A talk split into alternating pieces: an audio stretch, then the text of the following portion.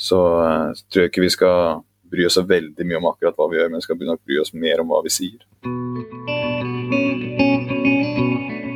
Hei, og velkommen til Vondt. Vondt er Norges eneste podkast som er rendyrket for muskel- og skjelettfeltet. Podkasten driftes av Stian Christoffersen og Jørgen Jevne. Og vi liker å tro at vi kan alt, men vi møter oss selv i døren oftere og oftere.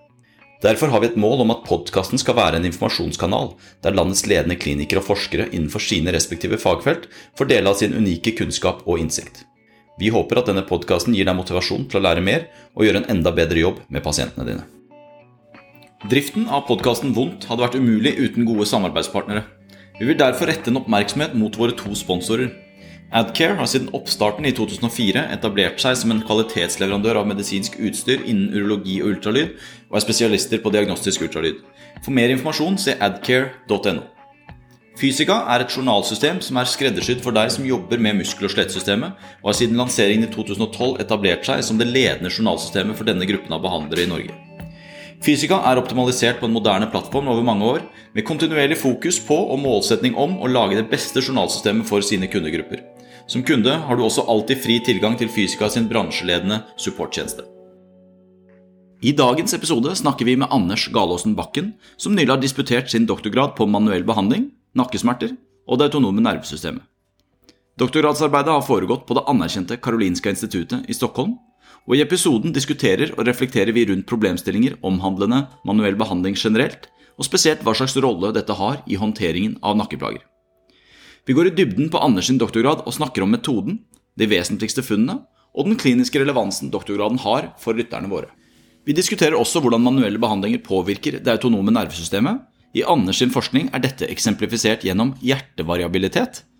Og så diskuterer vi om dette i det hele tatt har en klinisk relevans for oss klinikere. Vi snakker også om Anders sin karrierevei, hvor man går fra klinikken til doktorgradsarbeid, og tilbake igjen til klinikken, hvor man går fra å jobbe med pasienter i en forskningssetning tilbake til én-til-én-møte med pasienten på kontoret. Anders ble utdannet kiropraktor fra ICC i Bournemouth i England i 2015 og jobbet som kiropraktor i Bryne fra 2015 til 2018. Fra 2018 til 2022 gjennomførte han doktorgraden sin på nakkesmerter ved Karolinska instituttet i Stockholm, hvor han også jobbet deltid som kiropraktor i perioden. I august 2022 disputerte han med doktorgraden The effect of spinal manipulative therapy on heart rate variability and pain in patients with persistent or recurrent neck pain. I august i år flyttet han samtidig tilbake til Norge, hvor han startet opp sin egen klinikk, Galåsen kiropraktikk og idrettsskader, parallelt med at han har beholdt en deltidsstilling i forskning med 40% finansiering tilknyttet Karolinska instituttet. Han er også medisinsk koordinator og fysisk trener for Nærbø håndball elite. Hei, hei, og velkommen til en ny podkast Eh, I dag har vi fått med oss Anders, som dere nettopp har hørt en god introduksjon av. Hei og velkommen til deg, Anders. Hei, hei, god dag.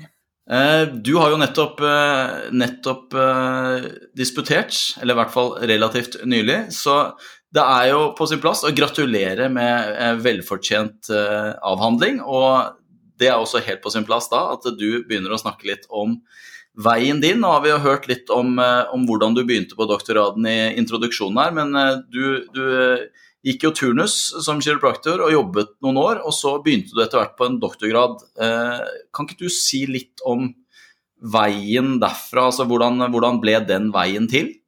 Ja, det kan jeg, det kan jeg absolutt gjøre.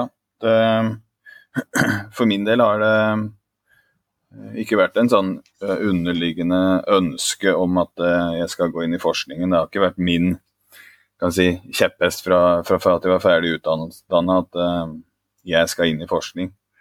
jeg jobba i klinikk og sier på meg sjøl som en kliniker, men kjente at jeg ønska noe nytt, eller ønska en, en utfordring. Jeg visste at hvis jeg skulle gjøre noe mer, så var det fornuftig å gjøre det i ung alder, da. Det var eh, noen tanker som, som dukket opp etter hvert.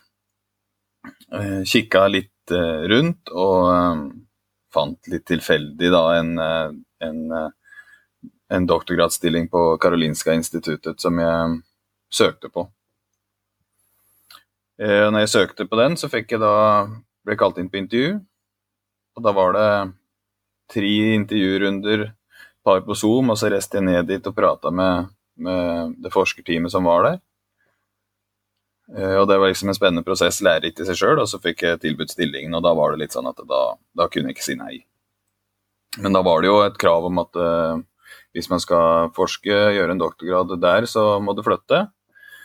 Uh, og så må du sette av fire år, for det er den tida som, uh, som det tar.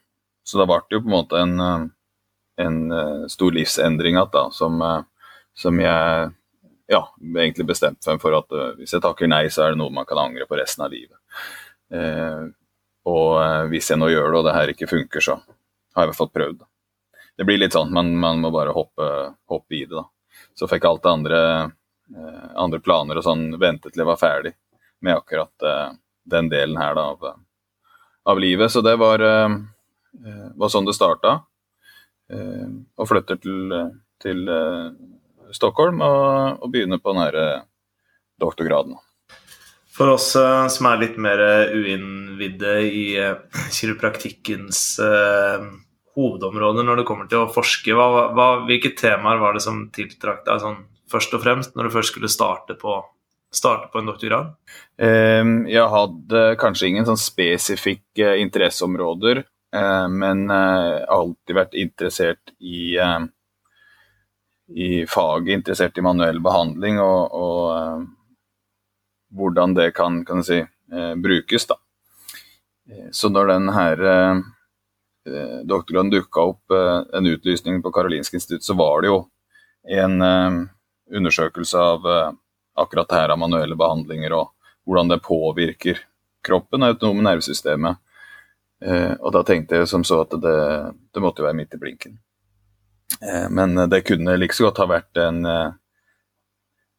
en annen form en annen studie, et annet tema, eh, så lenge jeg hadde syntes det vært interessant. Eh, men når den som sagt dukka opp og det passa meg godt, så, så syns jeg det var en, eh, en veldig et veldig spennende område. Ta Fortell litt sånn detaljert hvordan, det, hvordan, den første tiden der var. Altså, da går man jo eh, fra en hverdag som baserer seg på å sitte på et kontor og møte enkeltmennesker og, og jobbe med, med, med faget sånn én til én, og så, så, får du en helt annen rolle. Hvordan, altså, da det, var det jo også noen år siden du vært på skolebenken her. altså hvordan var, hvordan var, det å omstille hodet sitt på å plutselig være fulltidsforsker, og, og hvordan opplevdes liksom den, den, den, prosessen der i, i, de, i, de, påfølgende årene?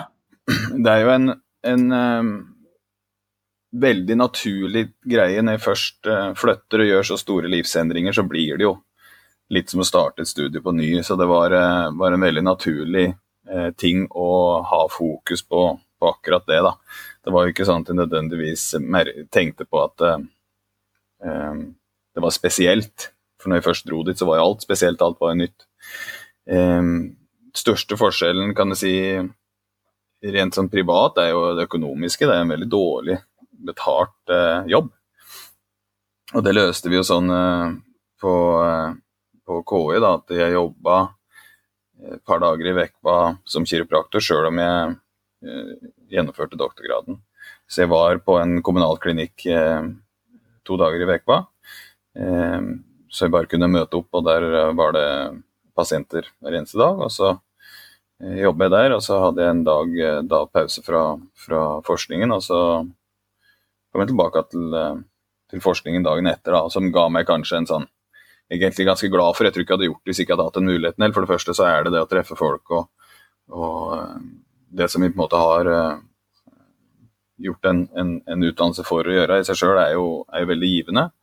Uh, og så bryter det opp litt den, den intense forskningshverdagen. Da. Men da blir det jo sånn at du eh, går inn i en, en, et doktorgradsstudie der du må ofre en del tid, og du må sette inn i veldig mye nye eh, ny kunnskap og ny, ny eh, nytt system. Sant? Alt det her eh, Når man først eh, drar i gang, så er det jo, eh, som sier eh, Alt. Det blir som å starte en ny, ny utdannelse på sånn måte. Så, så, det tok gjerne et halvår før jeg kjente at rutiner og, og alt var, var, på plass. Jeg visste litt hva, hvordan ting skulle gjøres. Altså. vel en pakke der, og så var det å forberede sjølve studiet da, som, som sto i fokus. Ta Si litt om detaljene rundt uh, de studiene altså Du har jo publisert flere artikler fra doktorgraden, naturligvis, men, men uh, si litt om detaljene rundt studien du gjorde, og de vesentligste funnene først. Kan du gjøre det? Ja, det kan jeg gjøre. Vi, vi kan si hovedmålet eh, som, var, eh, som sto betinga i, i, i, stillingen jeg søkte, det var at uh, vi skulle undersøke effekten av eh, spinal manipulasjon, eller som, det, som, vi kaller det, da, SMT, som, vi, som det står beskrevet som i, i studien, eh, på det autonome nervesystemet. Og bakgrunnen er at det finnes en hel del studier som viser en direkte påvirkning. Eh, og andre forskere som har undersøkt eh, lignende, noe lignende. Da. Men det mangla en litt lengre oppfølging da, for å se om, om den påvirkningen som, som, hadde blitt observert, kunne og observeres da, over tid. Det var liksom det som lå i, i grunnen. Da. Og da måtte vi designe en studie som kunne, kunne passe inn med det. Og da, da ble det en randomisert, kontrollert studie for å nettopp kunne måle effekt. da. Eh, og som en sånn litt eh, større greie så vil vi òg undersøke om eh, om vi kunne se noe sammenheng mellom endring i smerte og endring i autonome nervesystemet.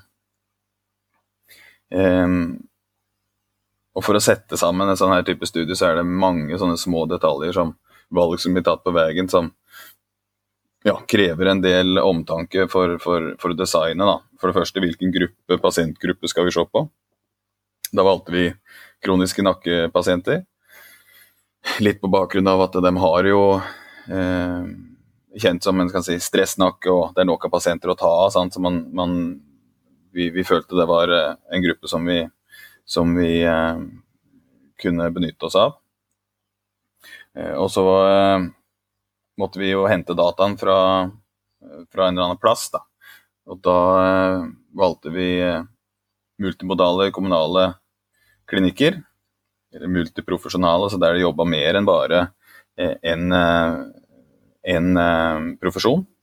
Nettopp for at eh, hvis vi skal lage en, en, studie som måler effekt, så er vi nødt til å, å få tak i pasienter som ikke allerede har en, en, oppfatning av hva de bør få, eller hvilken behandling som er riktig for dem.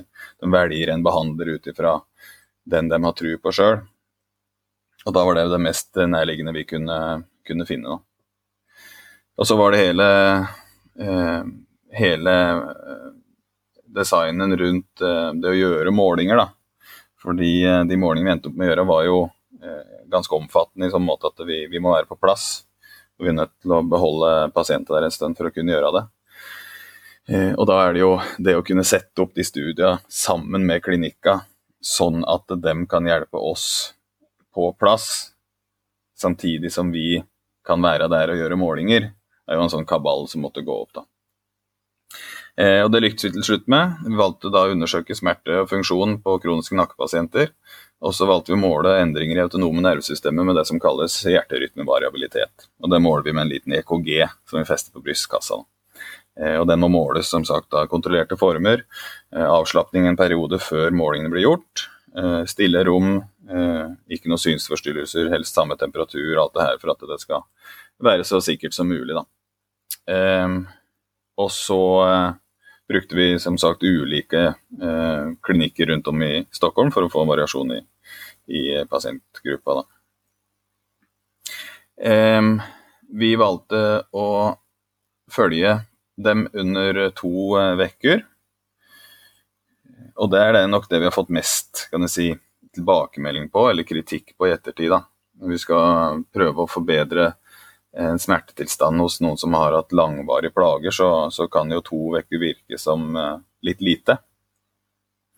Vi begrunna det med at uh, tidligere studier har vist at de som faktisk opplever endring, oftest er bedre etter to uker. Om ikke de er fantastisk mye bedre, så er de ofte bedre.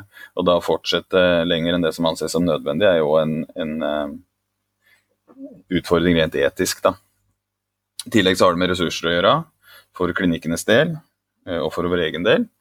Eh, og så har det om at eh, når vi behandler pasienter i en studie som er tilknytta en klinikk, det er ikke en rent eksperimentell studie, så har det en del etiske begrensninger i forhold til hvor lenge du kan beholde med en behandlingsgruppe der de eventuelt ikke får en effekt. Da. Så når vi er ute i en, i en klinikk sånn som vi er der, og vi henter pasienter som allerede ønsker å få hjelp, så er vi nødt til å tilby noe som potensielt kan hjelpe, og som hvis da ikke det er det de trenger, så skal de heller ikke være i, i studien for lenge. Eh, og da ble det to uker, som sagt. Eh, og det, det, er det vi rapporterer. Det er sånn det, det, er, sånn det er. Kanskje er det, hadde vært noe annet hvis vi, hvis vi undersøker dem lenger, men det, har vi jo drøfta fram og tilbake i de her studiene som ble utpublisert. Eh, vi valgte da å fokusere på manuell behandling av ryggsøyla, altså mobilisering eller manipulasjon Eh, og unngikk da alt som hadde med bløtvæsbehandling å gjøre. Så den ene intervensjonsgruppa fikk da denne form for behandling, og den andre gruppa fikk eh, tøyøvelser å gjøre hjemme. Men så er det jo det her litt kinkig med at vi skal måle effekt av eh, SMT, da, som vi kan kalle det. Hvis vi skal sammenligne to intervensjoner som potensielt begge skal kunne ha effekt, så så sliter vi allerede der med å forklare eventuelle forskjeller. Da. Så derfor så fikk eh, alle som var med i studien, eh, øvelser som de gjorde hjemme. Men så fikk da den halve som, som eh, endte opp i intervensjonsgruppa, fikk i tillegg da eh, SMT. Og det er òg en sånn eh, ting som vi syns er, er, fornuft, er, fornuftig da, for mange, av mange årsaker. Men hvis man tenker på effekt eh, må måle vi effekt på noe med nervesystem og smerte, så vet vi at det, behandler du noen for, for, smerteplager, så er det sånn at kombinasjon av behandling er eh, ofte bedre enn én en enkel form for behandling. Så vi kan fint argumentere for at den kombinasjonen burde være bedre enn den ene, hvis vi var ute etter å se om det hadde en, en, en effekt på, på utvalgsmålene våre. Eh, og I tillegg da så sørger vi for at alle får noe alle får, får en oppfølging. Så sjøl de da som kun hadde øvelser å gjøre hjemme, de kom tilbake for fire behandlinger de to første ukene og fikk en undersøkelse. De ble tatt på, den ble prata med. Og så ble de sendt hjem og sagt fortsett med øvelsene dine. Mens intervensjonsgruppa gjorde jo så klart akkurat det samme. I tillegg så fikk de da en behandling som terapeuten syntes var det riktige, da. Innafor de kriteriene som vi satt. Og da har vi da plutselig en, eh, en randomisert studie med, med, to intervensjoner, hvor den ene intervensjonen er det som vi egentlig har som uh, hovedutfallsmål. Og så måler vi uh, endringer i to, to vekker, og så ser vi da om den ene, ene gruppa har en, har en uh, bedre effekt på smerte og, og endringer i autonome nervesystemet enn den andre.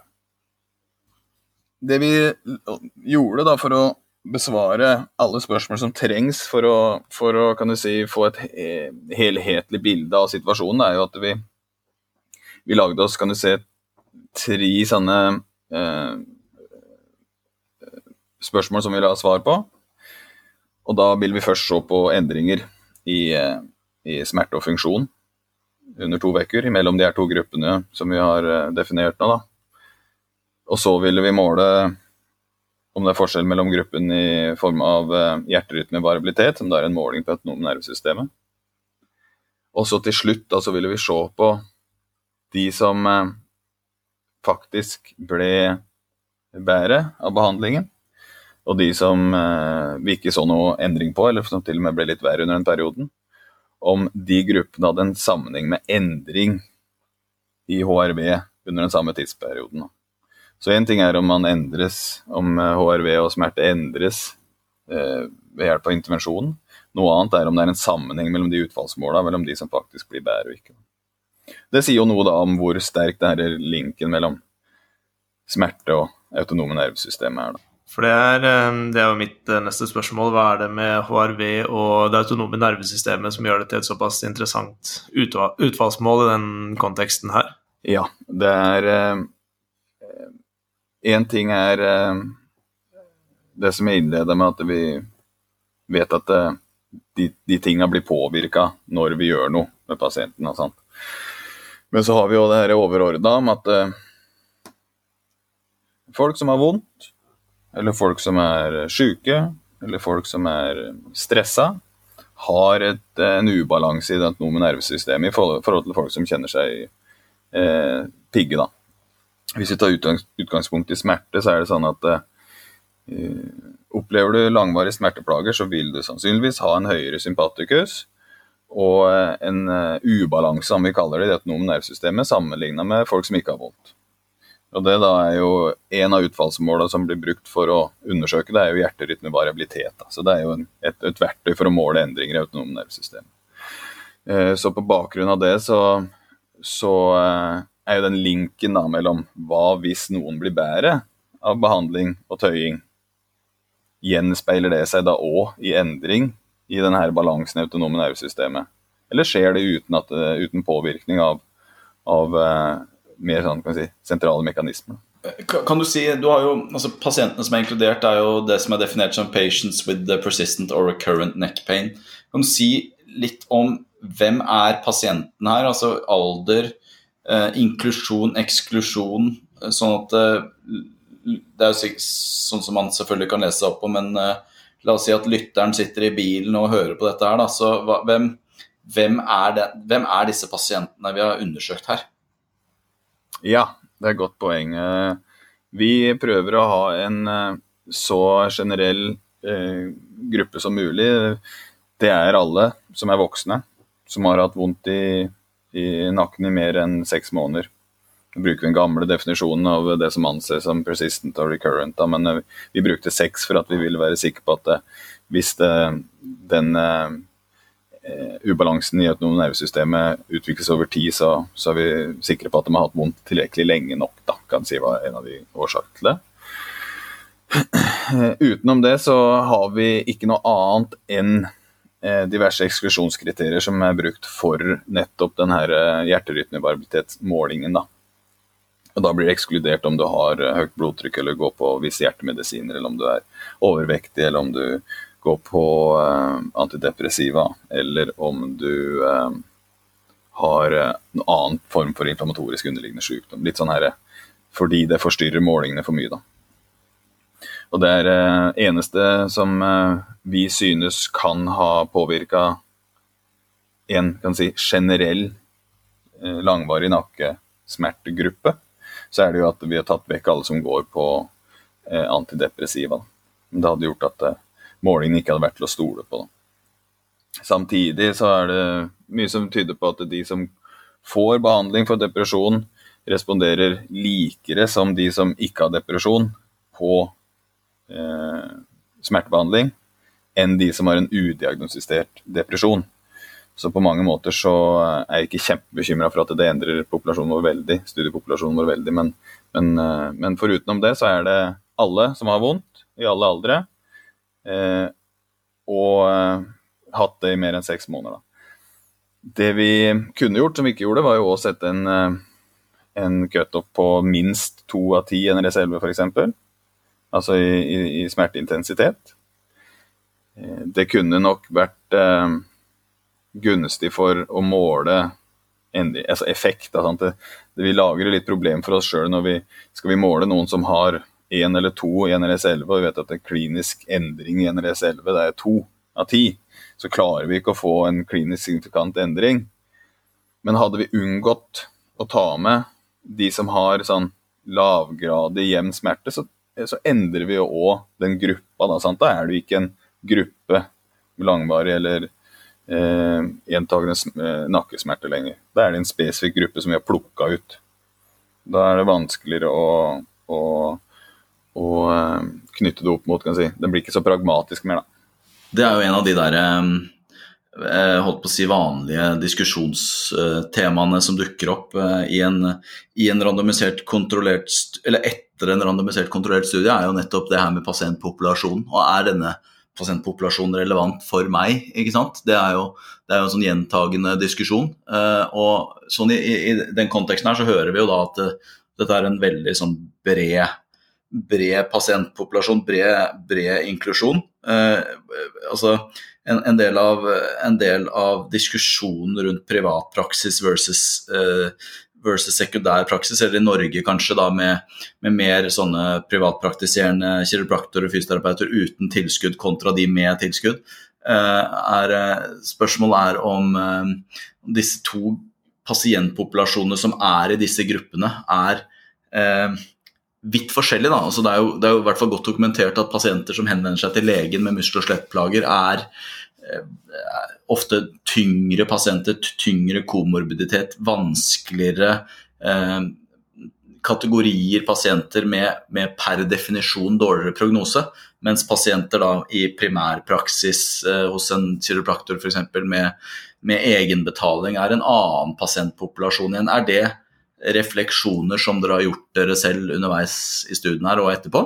Eh, ja, det er et veldig godt poeng. Vi eh det er litt annen situasjon, sånn som det eh, kan si vi hadde det i Stockholm, en litt annen situasjon. Jeg forstår jo godt poenget, og det er jo helt klart at det, ressurssterke mennesker har bedre prognose enn de som ikke er like ressurssterke på mange områder, om man kan si det sånn. Når vi gjorde vår datainnsamling, så brukte vi som sagt de her klinikkene som, som ville vært i Norge ekvivalent med driftstilskudd. Det er akkurat samme eh, regler der som om du går hos eh, legen, så når du en frikortgrense. Det er total den frikortgrensa. Har du nådd den, så kan du, kan du gå og få behandling i, i de her eh, klinikkene på samme måte som du går hvor som helst ellers i det offentlige. Så det var ingen der som måtte betale dyre dommer for å komme og være med. vi sendte ut eh, mulighet for, for, påmelding til studien i lokalaviser, og, men også gjennom klinikken. Altså, så man kunne melde seg på hvis man allerede mottok nyhetsbrev fra klinikk. Altså. Eh, det vil jo alltid være en sånn skjevfordeling med folk som vil ønsker å være med i studier, og folk som aldri gidder. Liksom. Så der vil jo alltid være noe form for, for skjevfordeling, kan du si, i forhold til eh, den, uh, den, gruppa som var langvarig nakkesmerte angår. Men for oss i vår studie så, så uh, unngikk vi i hvert fall den herre den her At det kun er ressurssterke som skulle kunne benytte seg av, av, av å være med i studien.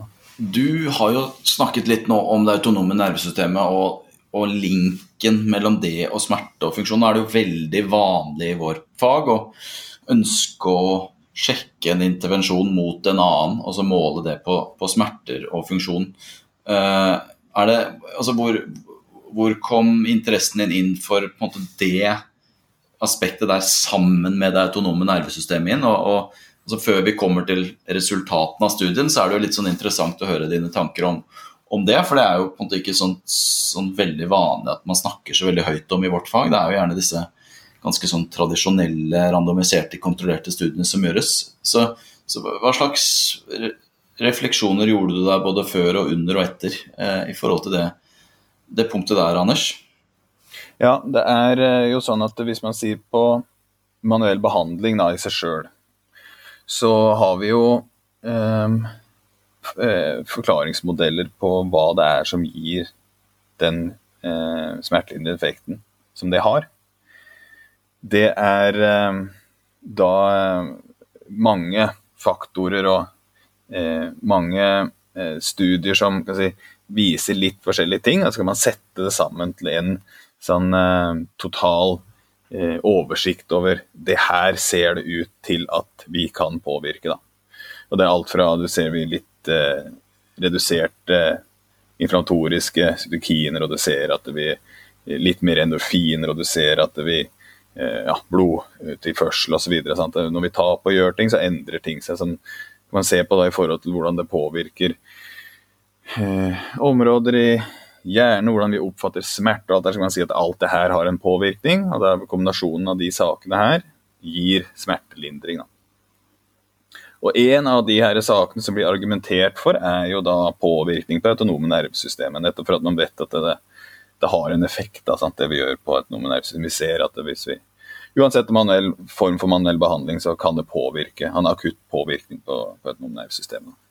På sånn måte så er det viktig, da skal vi kunne forklare hva vi gjør en sånn eh, ut ifra eh, det som leder til en smertelindrende effekt, så er det veldig greit å kunne ha virkningsmekanismene på plass. Altså, vi vet noe, men vi samtidig vet vi veldig lite. da. Og Det er jo en veldig godt argument for å faktisk undersøke denne linken. da. Så kan man si at det er jo blant den herre eh, Bialoski heter den 2018. Han har en sånn kjempeoversikt over akkurat de tinga her, alle de små eh, faktorene som man da setter sammen og sier at det ser ut at det kan påvirke det og det og det, og da kan vi si at det, det er en summen av de tinga her, eller deler av det, som kan gjøre, lede til at det får mindre vondt. Så, eh, så, er det greit, da vet vi at eh, noe av det er jo Eh, ganske rett fram, mens andre ting blir veldig sånn indisier. Vi, vi tror kanskje på bakgrunn av det og det.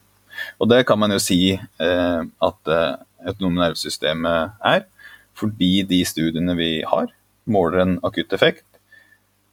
Vi vet at noe endres, og du vet at det kan ha en effekt på smerte.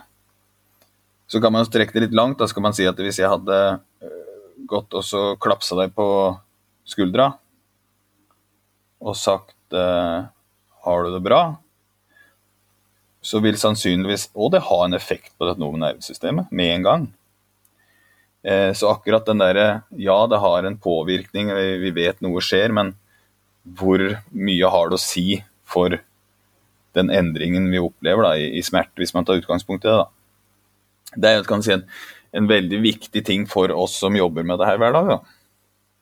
Og I tillegg så er det det her med, med det vi kan kalle kroniske smertepasienter. Det er, det, er, en så sterk eh, faktor. Vi ser en direkte link med ikke bare muskel-skjelettsmerter, men all kronisk smerte. At det, du får en ubalanse i autonome nervesystemet. Du blir stressa. Da kan si kroppen blir stressa.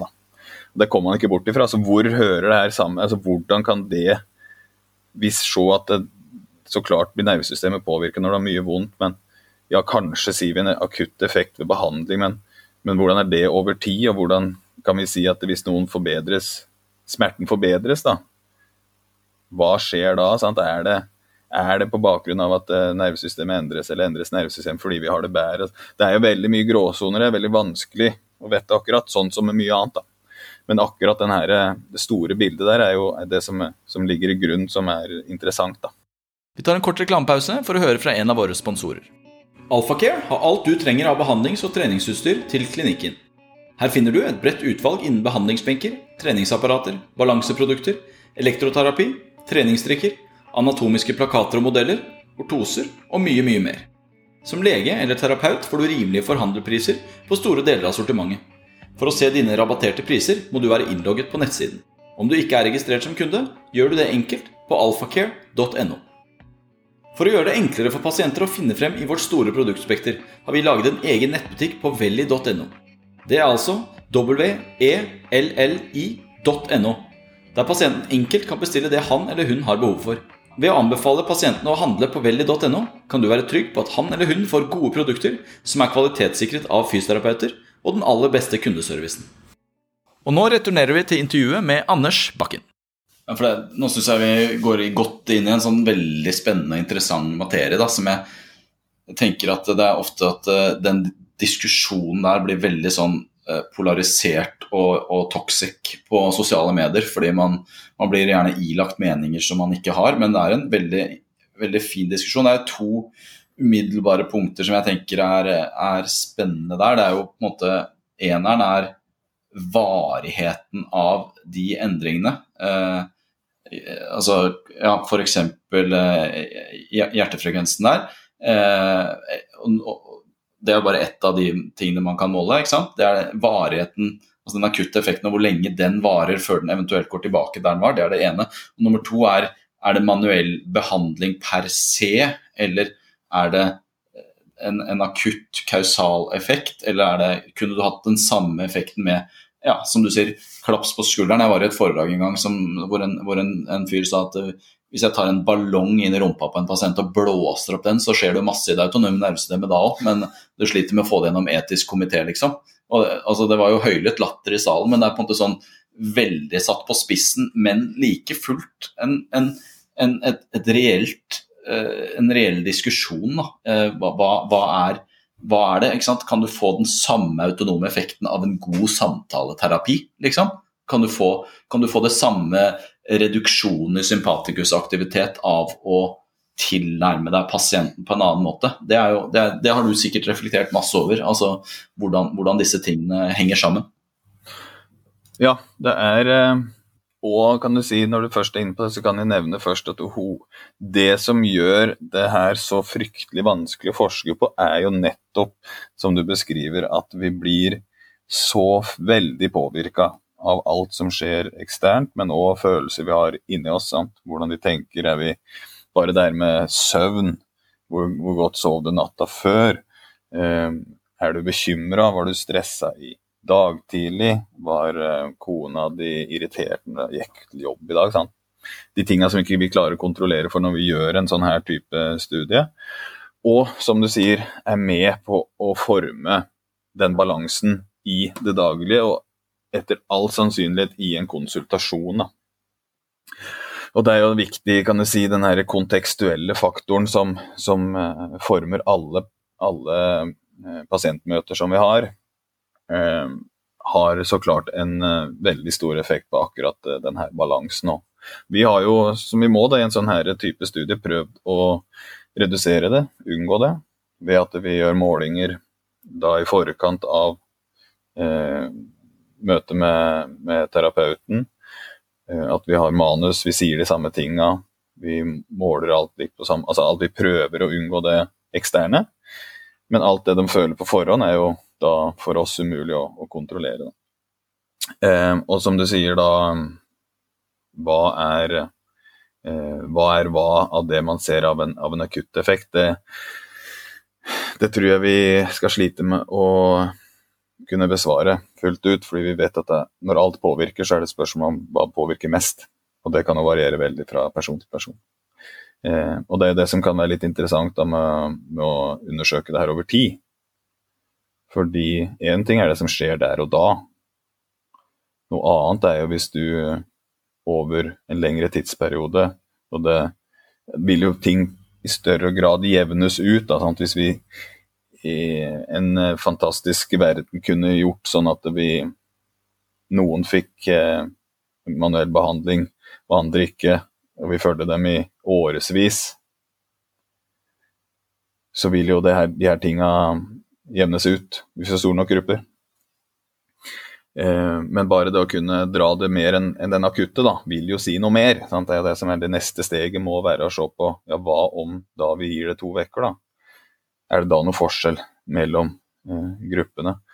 Eh, det vil fortsatt være påvirka, eh, men vi har ikke den akutte effekten av møtet, av samtalen, av tankene den dagen. Da er det jo, er det jo egentlig helt eh, naturlig, tenker jeg, når du avslutter der, at hva var de vesentligste funnene i doktorgraden din her? Ja, det er eh, jo sånn at vi så ingen signifikant forskjell eh, i endringer i hjerterytmevariabilitet mellom de som fikk eh, tøyøvelser, som de gjorde hjemme, og dem som fikk eh, tøyøvelser pluss manuell behandling. Etter da to uker og fire behandlinger i klinikk.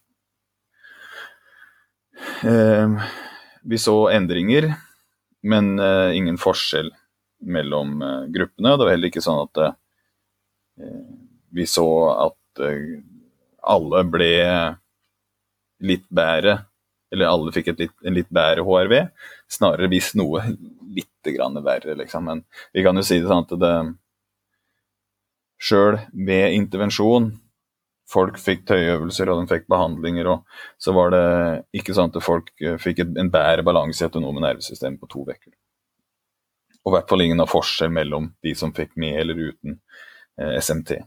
Eh, vi som, vi som, sitter og nøler litt med dette her og har gjort dette her i både intervjuer her sånn og lest mye og holdt foredrag og sånn i mange år nå, så er det jo, føler jeg nesten det begynner å bli en sånn etablert sannhet at hvis du gjør en randomisert, kontrollert studie med gode metoder og, eh, og kontrollerte forhold osv., så, videre, så er det nesten sånn ubetydelig hvilke to tiltak som sammenlignes. Det ser ut til at du kommer ut noenlunde likt, nesten uansett. Jeg har i hvert fall til gode nå de siste årene å komme over noen studier som måte viser noe sånn halleluja-aktig overhodet.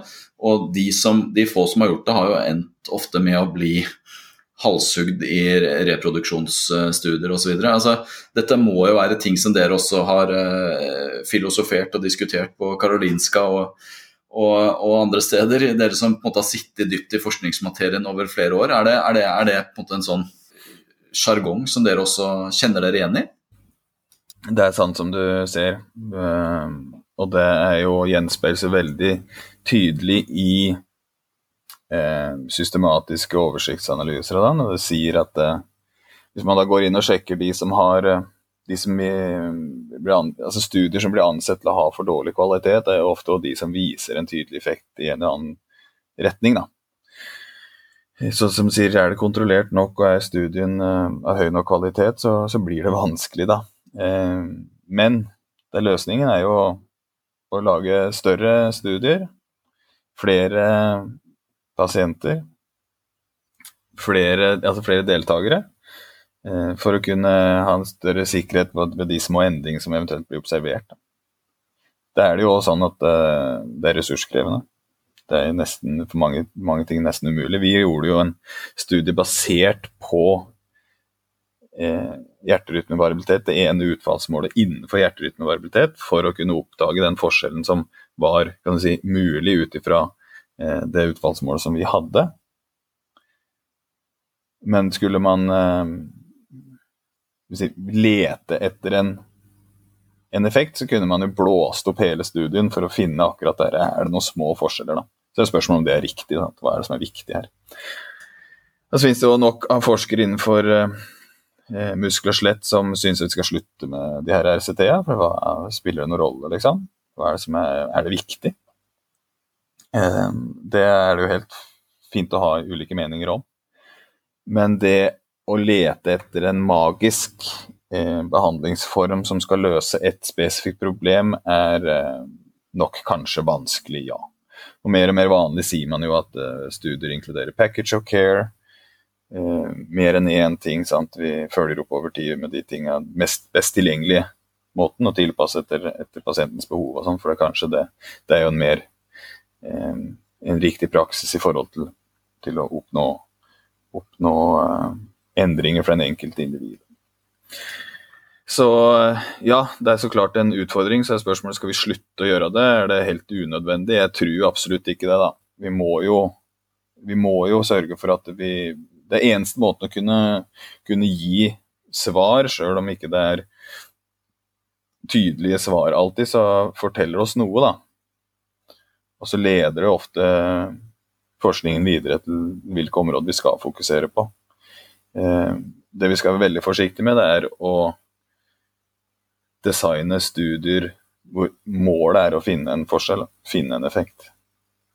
Må, kvaliteten må jo stå først, hvis ikke så, så blir i hvert fall jobben bortkastet.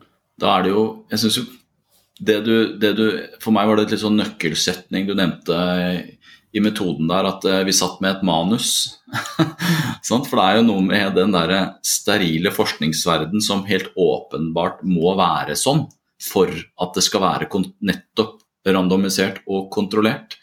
Eh, og så, og nå har jo du gått da fra en akademisk tilværelse til å jobbe igjen tilbake i klinikken med eh, en person foran deg med måte et levd liv og med tanker og følelser og bekymringer. og som du sier, ikke sant? Er det kona, Har du krangla med kona på morgenskvisten i dag? Har du sovet på sofaen? Har eh, økonomien skjært seg? Alle disse tingene som ikke vi nødvendigvis har noe, noe, noe kunnskap om, da, hvordan det former det, det livet. Så, så, så jeg, pleier å, jeg, pleier å, tenke for meg selv jeg syns jeg ser for meg selv sitte med et manus i min klinikk. ikke sant? Skjønner du? Altså den, det, det, altså, jeg husker etter at Folkeopplysningen kom i jeg tror det var 2014, så var han eh, Anders Danielsen Lie, han skuespilleren, og skrev en artikkel i Aftenposten eh, hvor han skrev hadde noen filmet meg på legekontoret hver dag, hva jeg lirer av meg, eh, og, og, og, skulle på en måte satt vitenskap bak det,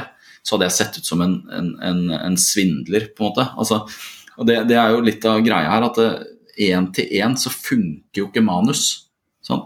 Så, så, det, det, det derre spriket der, da, fra sterile variabler eller sterile Excel-ark med, med, pasienten der, til hverdagen i klinikken, det er, det er bare så langt, da. Så, så, så hvilke, hvilke, erfaringer, eller hvilke refleksjoner gjør du da omkring det, nå som du har gått fra akademia og over i, i, i en sånn vanlig praksishverdag igjen? Ja, veldig gode poenger. Og det er jo eh, det som ofte gjør forskning eh, utfordrende for oss, kan jeg si, da, klinikere òg. Fordi det speiler ikke alltid nødvendigvis hverdagen. Da. Eh, jeg syns vi skal passe på å ikke nødvendigvis bruke altså, ta en studie og, og ha som mål om at det skal implementeres i klinikken i morgen. Det tror jeg ikke akkurat så mange gjør. Men det å lese et resultat eller bruke en forskningsartikkel som grunnlag for hvordan du velger å møte jobbhverdagen, eh, er å starte i, i litt feil ende. Da. Eh, det fins veldig mange gode retningslinjer. Eh, og og eh, studier som tar for seg nettopp de tinga der. da.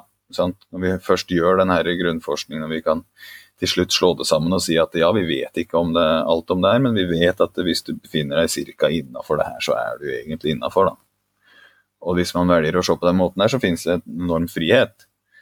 Samtidig så kan man, eh, kan man bruke forskningen til å forme forklaringsmodeller og eh, og hvordan du velger å imøtekomme kan du si, pasienter, men, men det trumfes uansett av uh, den, uh, den, personlige Altså på personlig nivå, da. Hvordan oppleves det for den akkurat der og da? Hvordan oppleves det for deg? Så uh, vi skal bruke forskningen til det det skal brukes som, og det er at vi implementerer når det er grunnlag for det. Og da finnes det mange gode ting som kan brukes der, men jeg mener sånn for pakke, som jeg har sett pakkeforløp for korsrygg eller prolapser og, og, sånne ting, er mye fornuftig som, som har kommet på den biten der. Og så bruker vi retningslinjene til å hjelpe oss i, i, i hva som bør være ligge til grunn i, i måten vi imøtekommer pasienter. Og så er vi nødt til å utvikle vår egen, uh, vår egen uh, måte å jobbe på, slik at vi er komfortable nok til å kunne håndtere de situasjonene som dukker opp. Da. For det å være fastlåst i et mønster eller tro at du skal hjelpe så mange flere bare ved å følge det den ene studien eh, foreslo, eh, blir jo startet som sagt, i litt feil ende. Og det tror jeg på ingen måte at folk gjør heller. Eh, før vi gikk på lufta her i dag, så snakket vi jo litt om, om virkningsmekanismer bak manuell behandling. Det har vi jo egentlig nå dypt, dukket litt inn i, egentlig. Men jeg og du er jo, vi er jo begge kiropraktorer, og, og, og jeg tenker jo det er, jeg syns det er fascinerende eh, den diskusjonsklimaet rundt manuell behandling. Altså, som du sier, så er det jo Hvis man skal støtte seg på noe, da, eh, som skal danne et sånt fundament, så må jo det være i hvert fall disse store rett retningslinjene da, som publiseres. Altså, Holder du deg innenfor de, så bør det jo være noenlunde mainstream, tenker jeg. Det, det burde det jo være en sånn grei konsensus på at, eh, at man, man, gjør. Og det, det, er jo nær sagt i hver eneste retningslinje på muskel og skjelett så ligger jo manuell behandling som en av de tiltakene som, som, eh, som, som, skal tilbys, eller kan tilbys, uten at det er noe sånn at det løftes opp som noe annet eller noe mer eller noe bedre enn noe av det andre. Så eh, hvilke, hvilke tanker har du da om det, Anders, eh, som, som nå er kliniker igjen? Altså, hva, hva, slags, hva, hvordan, hvordan, ser du på det, det, det prinsippet der? Det er, jeg er helt enig med det du ser. Og så er det interessante diskusjoner rundt som du sier, bruken av manuell behandling. Eh, man kan velge å eh, altså Det finnes mange måter å se på det på, men, men, sånn som du innleder, så er det så enkelt som at uh, retningslinjene er tydelige. Det er et verktøy som er fornuftig å bruke. Men så sier jo de fleste at det bør brukes i kombinasjon med aktive tilnærmingsmetoder. Og det er fornuftig, det. Det er vel, det er vel derfor vi gjør det. det man kan man kan sammenligne det med å ta en Paracet fordi du har vondt i nakken. Og Det er ingen som ville satt spørsmålstegn ved at du tar en Paracet for at du skal komme deg ut og få gått deg en tur eller få, få gjort yogaen din, liksom, hvis er, du er i en vond periode. Så sier jeg at eh, manuell behandling jo, fungerer jo bedre enn de fleste smertestillende medikamenter som, som kan tilbys nå, da. Men det bør kombineres. da. Det, problemet er jo ikke nødvendigvis eh, manuell behandling i seg sjøl, men det er jo forklaringsmodellene. sant? Hvis du kan forklare behandlingen på en fornuftig måte, så vil jo òg det kunne være en eh, oppløftende ting for pasienten. Kunne hjelpe dem til å forstå at eh, ja, nå kanskje kjennes det litt bedre, da skal jeg passe på at jeg får gjort det jeg trenger for å holde meg i gang. sant? Hvis man ser på det sånn rent ut fra et smerteperspektiv. da. Vi har jo um, snakka en del om det, Jørgen, at um, bare i tråd av å være ulike profesjoner, så får vi litt ulike pasientpopulasjoner også, med ulike forventninger. Vi antar at både du og Jørgen får inn pasienter med en forventning til hva det er en kiropraktor f.eks. skal tilby. Um, men det merker jeg også at det er jo pasienter som kommer til meg med en forventning om at fysioterapi er mer hands on enn måten, måten jeg jobber på. Og så um, blir det jo da en eventuell mismatch i forhold til hva jeg tilbyr og hva de får. Uh, og den konteksten i seg selv vil jo være med å å forme utfallet av, av behandling. Uh, og det er der jeg syns det begynner å bli så vanskelig, det her, eh, i hvert fall med manuell behandling, som har en tendens til å bli, liksom, bli bastardisert. Altså, nei, det, det, trenger vi jo. Vi trenger jo egentlig ikke å gjøre det. Vi kan bare ta dem rett inn i en samtale og så, så gå og trene. Men som du sier, at hvis du møter den forventningen og forklarer det på en måte som gjør at det er mer avdramatiserende enn korrigerende eller kurerende, da, og så tar dem med videre inn i aktive tiltak de håndterer på egen hånd, så fortjener jo egentlig ikke manuell behandling eh, all den negative omtalen den kanskje har fått, men at det er forklaringsmekanismen som må gjøres noe med. da. Men eh, jeg, vet, ikke, tenker du noe på det sånn nå som du er i praksis som kiropraktor, i forhold til hvordan du møter de forventningene pasientpopulasjonen kommer inn med? Ja, men det gjør jeg jo på bakgrunn av at uh, man må skape en relasjon. Det er, uh, det er jo veldig enkelt hvis man bruker uh, evidensbasert modell, så skal man jo ta hensyn til pasientens ønsker òg. Men det betyr ikke at man skal uten hva skal jeg si eh, egne meninger eller ønsker eh, bare tilby passiv behandling for det pasienten ønsker. Men eh, møtes på halvveien for å senere komme i gang med aktive tiltak er jo for min del veldig tilnærmende eller fornuftig. da, For det, som du sier, det er jo eh, ikke uvanlig at det kommer folk til meg som, som vet hva de vil ha. Eh, jeg har eh, rehabiliteringsrom. Jeg behandler ikke alle pasienter mine. Jeg ser mye idrettspasienter, og jeg har eh, ikke sånn at det Jeg har en klinikk som er ensbetydende med, med manuell behandling, mens andre har kanskje et større fokus på det enn det, enn det jeg har. Og Det vil jo med tida da tiltrekke seg en, mer, en pasientgruppe som er mer eh, si, Når man har jobba x antall år, da, så vil man eh, i større grad få den pasienten som vet hva du kan tilby, og, og samtidig da på, å spille på lag med deg fra starten av. Da. Men det handler mye om å håndtere eh, alle, alle ønsker og alle pasienter på en fornuftig måte uansett, da. Så ehm, ja, du kan se det som en utfordring, men jeg, jeg ser det noe mer som en sånn Jeg, jeg kan godt forstå at uh, folk ønsker triggerpunktbehandling, eller folk ønsker trykkbølge, eller folk ønsker å få en, en justering i korsryggen, liksom, hvis vi kan kalle det det. Uh, og da jobber jeg meg rundt det, og så prøver jeg å skape en relasjon. Og så prøver jeg å hjelpe folk til å hjelpe seg sjøl i det lange løp. da. Eh, hvis ikke det ligger i grunn, så, så, start, så, så uh, kommer jeg veldig skjevt ut. For der er vi jo eh, litt tilbake igjen til det du snakket om i stad. At noen mener at vi ikke skal gjøre disse sterile RCT-ene fordi de ikke representerer den virkeligheten vi står i til vanlig. Jeg er nå enig med deg at vi skal fortsette å gjøre dem for å ja, i utgangspunktet fortsette å bekrefte nullhypotese, at det ikke hadde den store virkningsmekanismen vi trodde, men det er relativt sidestilt tiltak som gir oss masse frihet til å, til å velge. Og det er jo det mulighetsrommet man kanskje skal angripe i mye større grad, hvis man kan kombinere mer det kvantitative med det kvalitative. Da, og se, som du sier, skape en relasjon, eh, håndtere pasientforventninger. Få dem med på, på, i den retningen der vi faktisk har noen, noen, guidelines som peker oss i en retning. Da, er jo, er jo der på en måte alle tallene og trendlinjene og, og gjennomsnittsvariablene går sammen med outliers og kvalitative studier, synes jeg i det minste. Ja, det er, uh, fornuftig tanke. Og det er jeg helt enig med. Og det vi skal være forsiktige med når vi først vi prater om manuell behandling, men det er, eh, det er jo ikke sånn at det her er eh, som det vi prater om nå med, med RCT-er og vanskelig å finne en, eh, en signifikant og tydelig effekt, så er det jo samme over hele fjøla, liksom. Det gjelder jo treningsintervensjoner, og det gjelder jo eh, andre, si, mengde og type trening. Altså, de, eh, si, enklest fortalt så kan man si at det, det, viktigste er ikke hva du trener, men at du gjør, trener noe for å redusere smerte. Sant? Hvis man skal ta Så enkelt kan man gjøre det, hvis man skal, skal begrense det såpass. Da. Så eh, det er helt sant som du sier. altså kan man se på på, på, vi kan snakke om smerte, da, så, er, så, så, gjelder jo det det meste. Det er jo ingenting som man kan si at det skal alle ha forutenom da en eh, eh, god forklaringsmodell. Da.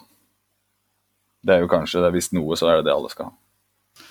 Jeg synes, jeg kan egentlig begynne å eh, avslutte inn her nå, så, men jeg, jeg synes på en måte nå som vi er filosofert litt rundt her på slutten, så passer det seg godt inn med det, det, det avsluttende momentet her. For det snakket med noen studenter her for ikke så lenge siden om en helt spesifikk diagnose, frossen skulder, eh, som vi da også hvis de er i en smertefull fase i fase 1 av den tilstanden, så er det veldig lite vi kan gjøre eh, rent klinisk. Altså, og, der, og, så forklarte jeg hvordan jeg tilnærmet denne pasienten og viste til guidelines og viste til RCT-er og viste til kortisoninjeksjonen i den fasen og bla, bla, bla. Og så sier disse studentene men men gjør du ingenting med pasientene dine? Og jeg tenker da at det er, det er, da studenter som sitter med den følelsen. At gjør du ingenting med pasientene dine? Da kan du tenke deg hvor dypt forankra det ligger hos pasientene. Eh, om et ønske om at vi skal gjøre noe. Og det å gjøre noe bør jo også ha en, en viss sånn. Og der kommer jo også manuell behandling inn veldig, med en veldig pen bivirkningsprofil. Så lenge det blir brukt riktig og med forsiktighet uten at man skal eh, løfte det opp til noe annet enn det det er, så er det som Stian sier, nesten sånn pussig bastardisering av det.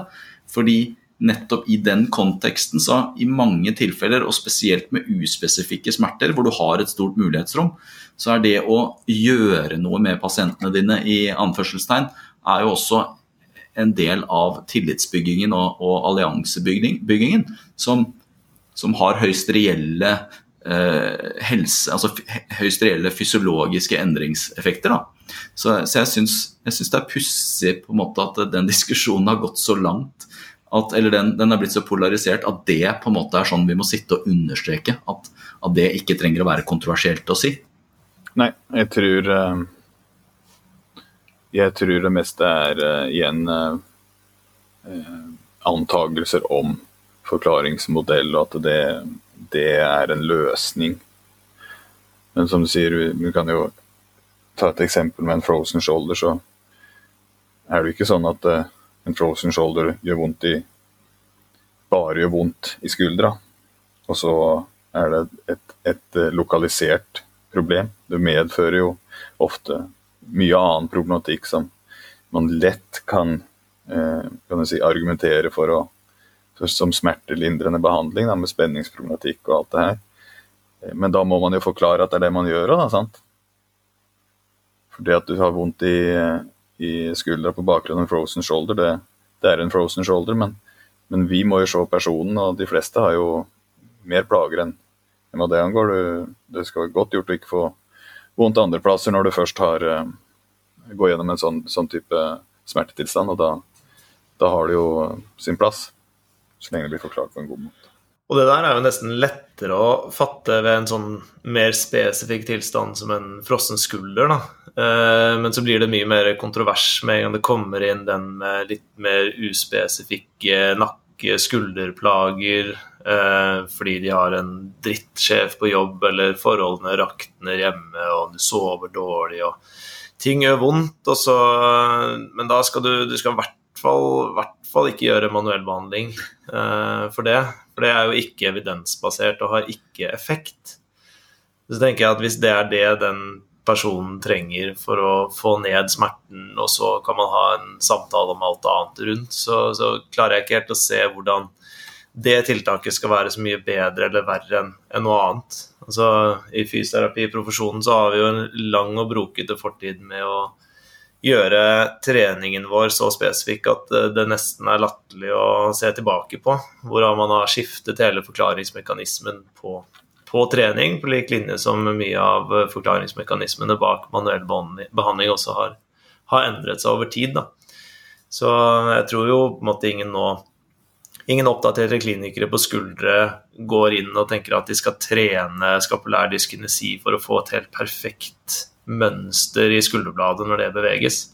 På lik linje som at de fleste som jobber eh, evidensbasert med manuell behandling, tenker jo heller ikke at du har hatt en røntgenologisk skjevhet som du klikker på plass, og så funker, funker resten.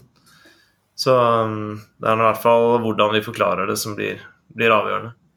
Ja, vi, eh, vi, er ganske enige på den biten der, og så blir det uansett vanskelig å å generalisere. Da. Sånn, fordi vi, vi, må, vi, må, vi tiltrekker oss ulike pasientgrupper, ulike personer. Vi har uh, ulike preferanser på måten vi jobber på, og vi tilpasser oss forhåpentligvis da, til hver enkelt. Og har forhåpentligvis en, uh, en uh, stor påvirkning i, i deres liv, da, de som kommer til oss. uansett hvilken måte vi, vi, velger å jobbe på, så lenge vi, vi holder oss innafor og har en, en, en god eh, eh, Et ønske om, om, at pasienten skal kunne klare seg sjøl i sitt liv på best mulig måte i det lange løp. Så, eh, så, så som du sier, så, så tror jeg ikke vi skal bry oss så veldig mye om akkurat hva vi gjør, men vi skal nok bry oss mer om hva vi sier. Det er en fin måte å avslutte på, syns jeg. Det var en forskningsleder som sa det her, jeg satt på et kaffemøte for et år siden, som sa at det er litt pussig, fordi i forskningen så prøver vi å gjøre alt homogent. og Vi, vi prøver å skape homogene retningslinjer osv. Og, hun mente at uh, det siste pasienter trenger, er homogene klinikere. Fordi nettopp som du sier, at uh, du tiltrekker deg en viss type mennesker, Stian tiltrekker seg en annen, og jeg tiltrekker meg en tredje. Og det at det er en viss heterogenitet uh, i, i, fagfeltet, er egentlig bra så lenge det har Eh, altså fundamentene og grunnstenene er sånn noenlunde det samme reisverket. da. Og Det er vel kanskje, kanskje det som er eh, avslutningsbudskapet her. At, eh, at det der mulighetsrommet som, som, vi har snakket om, egentlig er en, er en positiv, positiv, ting. da. Så, så jeg syns dette ble en veldig fin prat, ja, Anders. Så eh, vi får takke masse for tiden din og for doktorgraden din og den innsatsen du har gjort for forskningsfeltet. Så får vi, får vi bare ønske deg lykke til videre i, i, klinikken. Du har vel ikke tenkt deg tilbake til forskning sånn akkurat her og nå, i hvert fall, så vidt jeg har skjønt på deg? Jo, eh, Jørgen, det du ikke vet, er at jeg jobber 40% som forsker den dag i dag. Jeg skriver en artikkel til på samme data. Og så har jeg et mål om at jeg skal kunne jobbe med forskningen delvis i framtida òg. Som jeg gjør i prosess med å prøve å få til det. Det har flere grunner. Det, er jo uh, interessant, og så er det noe som gir en litt større frihet i hverdagen. Da. Man har, kan løslive seg litt fra den kliniske hverdagen i tillegg. Og så er det jo karrierebyggende over tid, så det, det er klart jeg, jeg har ikke jeg er ikke, Selv om jeg blant ja, jeg har nok gitt uttrykk til deg om at det er ikke det mest altså den perioden i livet mitt der jeg har følt mest livsgnist. Men eh, jeg håper å kunne benytte meg av det her eh, i framtida, som gjør at det på mange måter blir verdt det. Så det, det har ikke gitt opp, nei. På ingen måte. Tar en liten smekk for den der researchen vi hadde gjort på forhånd men, eh, men, uansett, så tusen takk for tiden din, Anders. Det har vært en veldig fin prat. Så, så takk til deg, og ha en fin dag videre. Og til alle lytterne så sier vi takk, og på gjensyn. En siste ting før du drar. For å nå ut til flest mulig, og for å dekke så mye som mulig av fagfeltet, og for å skape en så bra podkast som mulig, ønsker vi tilbakemeldinger. Send oss gjerne en melding eller mail der du finner oss på nett og sosiale medier. Og hvis du liker innholdet, så del gjerne episoden med hashtaggen vondtpodkast.